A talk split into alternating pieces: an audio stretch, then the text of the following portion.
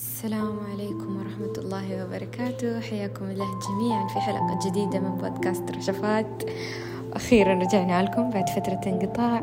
وإن شاء الله أنها يا رب يعني فترة جددنا فيها الكثير وأصلحنا من نفوسنا ودواخلنا الكثير وصلنا فيها لمراتب أحسن ومعاني أحسن وأحاسيس أجمل وأرقى وأنقى.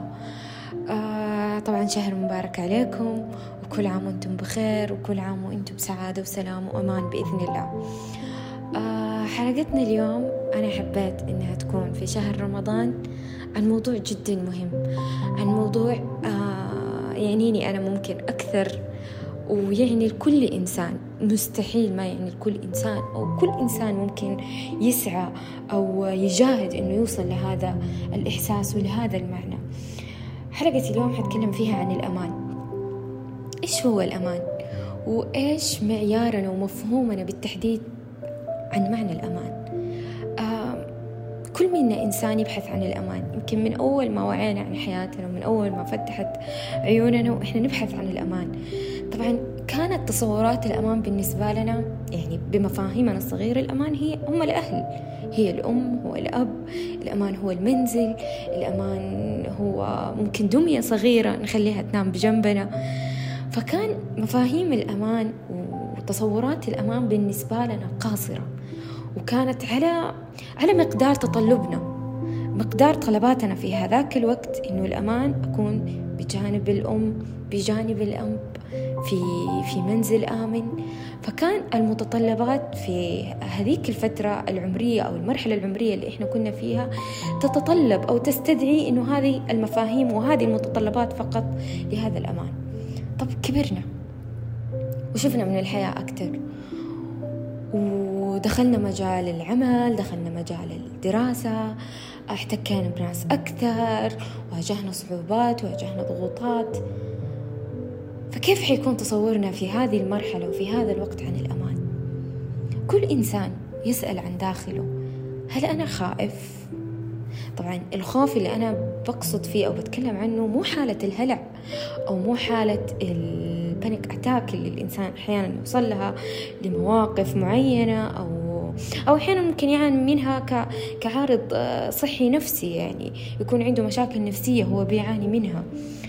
لا آه بتكلم عن الخوف اللي إحنا بنعاني منه في أشياء معينة في مفاهيم معينة. أحيانا ممكن ما ندرك إنه هو أصلا هذا معنى خوف ولكن هو أصلا خوف.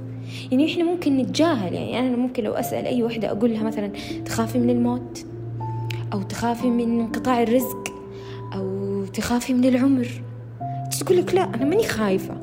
بس هي بداخلها خائفة. هي تصرفاتها أو انعكاساتها على نفسها. شعور القلق الملازم لها ترى هذا عبارة عن إشعار. إشعار إنه أنت خائف.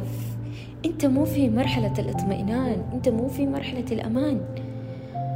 فنجي نسأل نفسنا إحنا بنخاف من إيش؟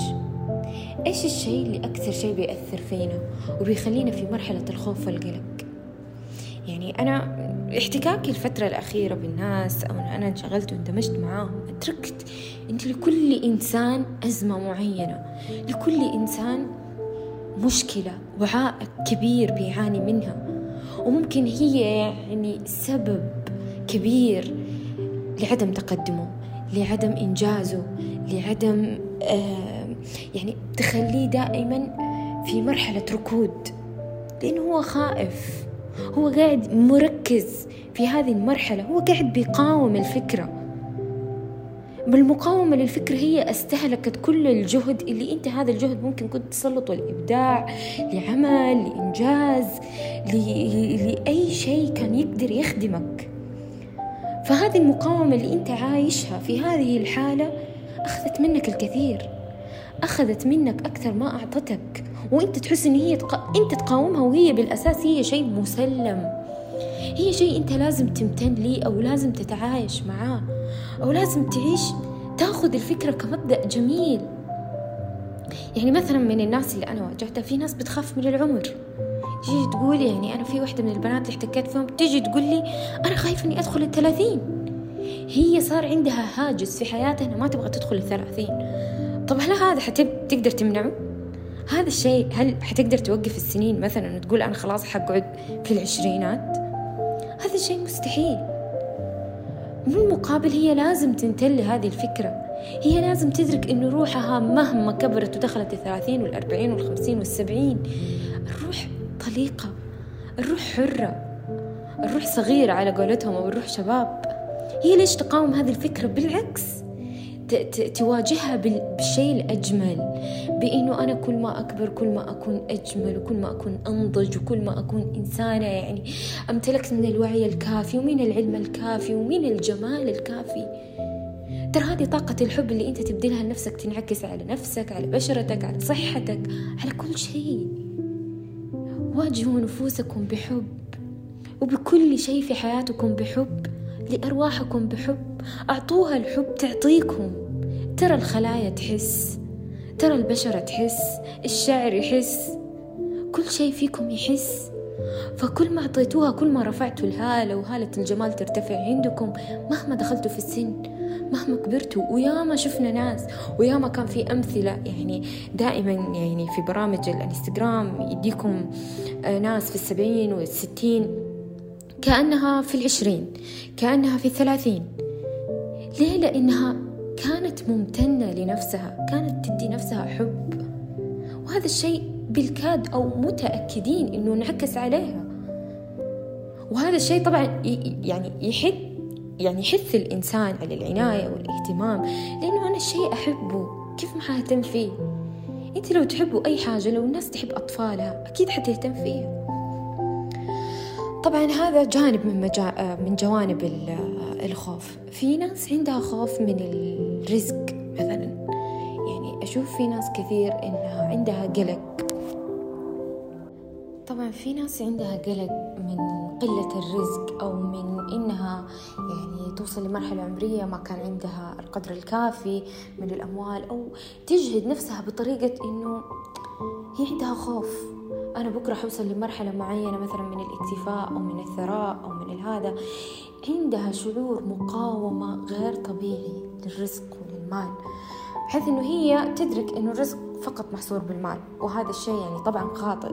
الرزق يعني شيء ما تتصوروا أو ما تتخيلوا الرزق عافية الرزق علاقات الرزق أمان الرزق أسرة الرزق أطفال الرزق أكل الرزق إنه أنت قاعد تتنفس هواء. في ناس ما هي لاقية هذا الشيء ما هي قادرة يعني ما هي قادرة توصل لمرحلة كافية من من الصحة ومن العافية و...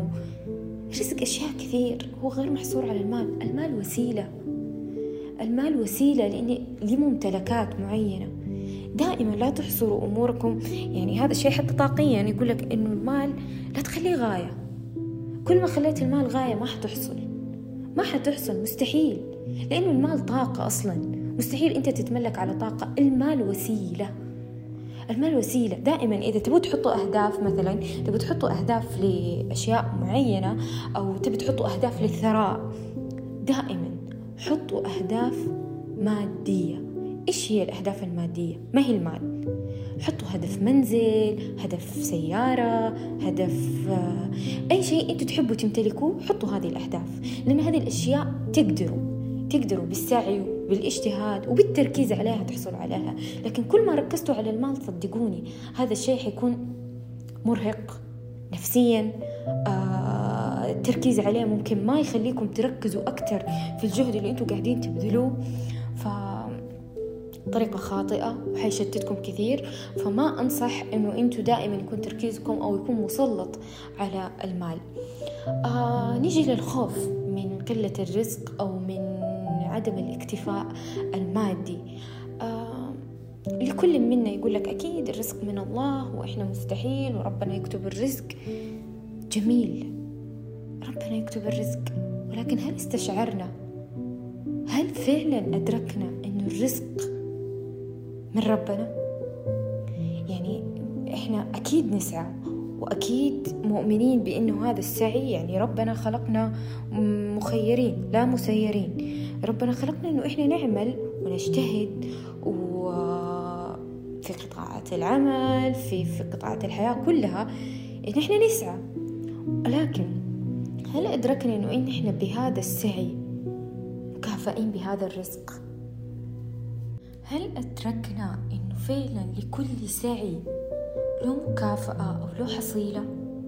هل آمنا الإيمان الكافي وإن سعيه سوف يرى وإن للإنسان إلا ما سعى؟ هل آمنا أو استشعرنا قصة سيدتنا مريم في ولادتها وهزي إليك بجذع النخل؟ في سعي رغم إنها في حالة إنه ربنا كان يقدر يعطيها الرزق بدون هذا السعي. لكن هل استشعرنا إن لكل سعي مكافأة ولكل سعي رزق حاصل تام موجود متيقنين بأمان كافي؟ إنه حنلتمسه؟ الآن بعدين؟ ممكن إحنا ملتمسينه أصلا لكن إحنا ما أدركناه. ممكن إحنا عايشين في نعمة بس إحنا مو قادرين نستشعرها أو مو قادرين نمتن لها. يعني في تمرين جميل حلو للامتنان أنا دائما أفضل ودائما أسوي لنفسي في أي لحظة أنا أحيانا أتسخط فيها مثلا عن الوضع أو أقول يا ربي ليه كذا؟ أمور مثلا تقفلت علي شيء ما قدرت أحصل عليه. خمس نعم فقط. عدوا خمس نعم معاكم. ما هي غيركم أنت مثلا تملك أولا صحة أنت تملك أهل غيرك ما يملكهم. أنت تملك أصدقاء وعلاقات غيرك مو قادر. غيرك عنده توحد غيرك عنده رهاب اجتماعي مو قادر يحتك بالناس مو قادر يطلع. أنت عندك تمتلك منزل في ناس في مخيمات عايشة. أنت تمتلك أجهزة في غيرك ما يمتلكها. لخمس أشياء فقط. أنا لو قلت لكم عدوا أنتوا حتعدوا حد ما لا تحصوها. وأنتوا نعمة وأنتوا عدوا نعمة الله لا تحصوها. أنا قلت خمسة. لو الإنسان كل يوم بس يقدر يعد خمس نعم من عنده حيدرك إنه مو غني إنه ثري. أنت تخطيت مرحلة الغنى أنت وصلت لمرحلة الثراء.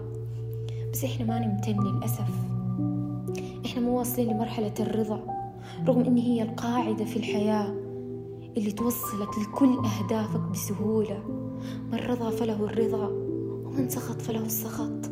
صدقوني الحياة سهلة والحياة بهيكلتها بقانون الكون مبنية على اليسر مبنية عن إحنا نقدر نوصل لأهدافنا وطموحنا وكل الأشياء اللي إحنا نشوفها صعبة بسهولة. أبدا ما تحتاج مننا ما تحتاج مننا الجهد ما تحتاج مننا التعب. إحنا للأسف وضعنا قوانين خاطئة لنفسنا. إحنا أدركنا إنه أنت أنا ما حوصل للنجاح أو ما حوصل للثراء لازم أكون وصلت لمرحلة مزرية من التعب ومن الهلاك ومن الفشل ومن الحياة بسهولة. ما في قاعدة ما في آية تنص على هذا الشيء. ما في آية تنص إنه إحنا لازم نتعب ولازم نخسر مليون مرة عشان أوصل للثراء. إحنا حطينا القواعد لنفسنا لدرجة برمجنا نفسنا وعقولنا على هذه الأفكار. وفعلا صرنا ما ندرك الراحة إلا بعد تعب. صرنا ما ندرك اللذة إلا بعد تعب. صدقوني أبدا الحياة بيسر بس إحنا نرضى إحنا نمتن. الكون حيبدأ يتسخر الحياة تبدأ تتسخر لك. قد ما امتنيت وقد ما حمدت الله وقلت يا رب الحمد لله على كل شيء أنت قاعد تسخر لي إياه. الحياة حتجيكم مرغمة وقتها. كل الأشياء حتدركوها حتبدأوا تكتشفوا إن أنتوا أصلا عندكم أشياء أنتوا ما كنتوا منتبهين لها أو ما كنتم مسلطين الضوء عليها وهي كانت نعمة غيركم ما يملكها غيركم يسعى لها. فصدقوني لا تضعوا غاياتكم لأشياء. يعني يمكن لو أغلب أثرياء العالم جو تكلموا عن المال ممكن لو بدأتوا تدركوا إنه اكتشفوا إنه المال مو كان هو الغاية العظمى اللي إحنا نسعى ليها. أكثر غاية إحنا نسعى ليها اللي هي الرضا اللي هي الشعور بالسعادة اللي هي الشعور بالاكتفاء. في ناس مكتفية بقدر بسيط من حياتها وفي ناس مكتفية بقدر كافي أعلى فالغنى هو شعور داخلي الغنى هو شعور داخلي والخوف ترى إساءة أدب مع ربنا. قبل ما يكون إساءة أدب مع نفسك ومع حياتك ترى كل شيء يحس حولنا. يعني أنا من الأشياء اللي دائما حتى كثير من صاحباتي ومن الناس يستغربوا فيها إنه أنا لما أركب سيارتي ترى أحيانا أعطيها من الكلام الحلو. أقول لها سيارتي أنا أحبك لأنه أنا مدركة ومستشعرة إنه هي ترى تفهم ترى تحس حتى وإن كانت جمادات. ترى والله صدقوني هذه كلها الأشياء تحس إذا جدع النخلة حس أمام الرسول. كيف ما هذه الجمادات ما تحس؟ تحس وأنا مدركة إن أنا كل ما أعطيها الحب كل ما أستشعر الحب معاها كل ما حتخدمني أكتر كل ما حتكون معايا أحسن كل ما حتقل معاها مشكلة الخراب أو مشكلة المشاكل اللي فيها حتقل. فأنا مدركة ومؤمنة هذا يقين هذا مو شك أو مو أوهام الناس تقدر تتكلم عنها أو ممكن حتى في علم الطاقة وفي علم المادة هذا الشيء موجود. أنتوا تتكلموا عن شيء موجود مو شيء وهمي. فهذا الجزء من الخوف. في ناس عندها فكرة خوف من فقدان الأهل أو من الوفاة أو من الموت.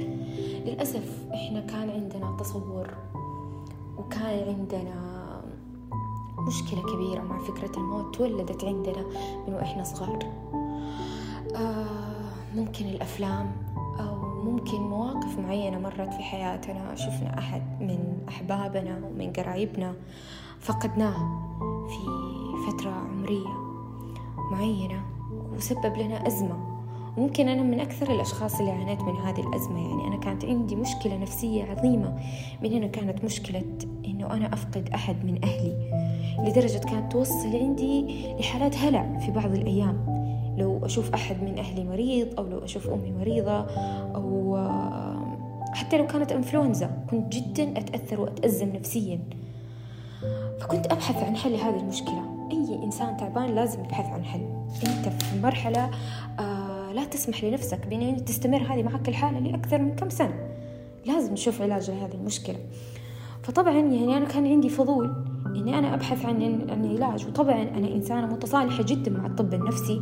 أي إنسان كان يعاني من أي مشكلة نفسية يروح زي ما يعاني من مشكلة جسدية. يروح لأي دكتور مختص يحكي له المشكلة. واحد اثنين ثلاثة. فطبعا من العلاجات كان في علاجات سلوكية. وكان في علاجات آه، دوائية. والعلاج الأهم واللي أنا أدركت منه الصحة والعافية اللي هو العلاج الفكري. متى تبدأ تغير مفاهيمك؟ متى تبدأ تدرك إنه هذه الحياة الحياة عبارة عن مرحلة؟ وهذا الشيء واقع. أنا أوقف فكرة المقاومة. فكرة المقاومة ترى هذه اللي تستهلكنا. هذه اللي مخليتنا ما نستشعر اللحظة. العمر بيد ربنا. أنا حقدر أقدم؟ حقدر أأخر؟ المقاومة اللي أنا قاعدة أعيشها هل حتخلق شيء جديد؟ هل ممكن حتخلي أمي تعيش معايا أكتر؟ أو ممكن تخليها تموت قبل عمرها؟ ففكرة المقاومة هي فقط استهلاك. استهلاك للنفس. لا تفيد لا تساعد لا تخدم. هي مدمرة. تنقص منك الكثير وتوقفك عن سعيك وتوقفك عن حياتك وتوقفك عن ألف حاجة أنت ممكن تسويها في حياتك. وتنجح فيها. أنت حتقدر زي السوزة حتقعد تنخر فيك. لا حتفيدك لا تقدم ولا تأخر. فأنت لما تبدأ توقف فكرة المقاومة إنه هذا الشيء أصلا ما حيفيدك وتبدأ تستشعر فكرة إنه هذه الحياة عبارة عن مرحلة وكلنا حنمر بهذه المرحلة وإنه إحنا في حياة باقية. في حياة أبدية حنعيشها. فلما تبدأ تدرك هذه المفاهيم وتبدأ تغذيها يعني أنا مستحيل أسرد كل المفاهيم ولكن أنت تبدأ تبحث عن هذا الشيء وتغذي هذه المشاعر حولك صدقني حتوصل لمرحلة أمان. حتبدأ توصل لمرحلة إنه الأرواح مع ربنا. وحنوصل لمرحلة إن إحنا كلنا بإذن الله حنجتمع تحت رحمة ربنا. والحياة مرحلة وتعدي. نبدأ نوصل لمرحلة أمان كذا نطبطب على نفسنا فيها ونحنن على نفسنا فيها. والله صدقوني حنرتاح ترى إحنا قاعدين نجهد نفسنا ونعاني نفسنا بشيء مؤلم مرهق ياخذ ما يعطي مننا. والله أرحموا نفسكم. أرحموها أرحموها. كفاية عليها كفاية عليها. شو لما بتقاوم أشياء كثير بتقاوم أفكار كثير. آه طبعا يعني أنا قلت آه ممكن أبرز أبرز المفاهيم اللي الناس بتخاف منها وفي غيرها الكثير. في ناس تخاف في ناس تخاف مثلا من ال ال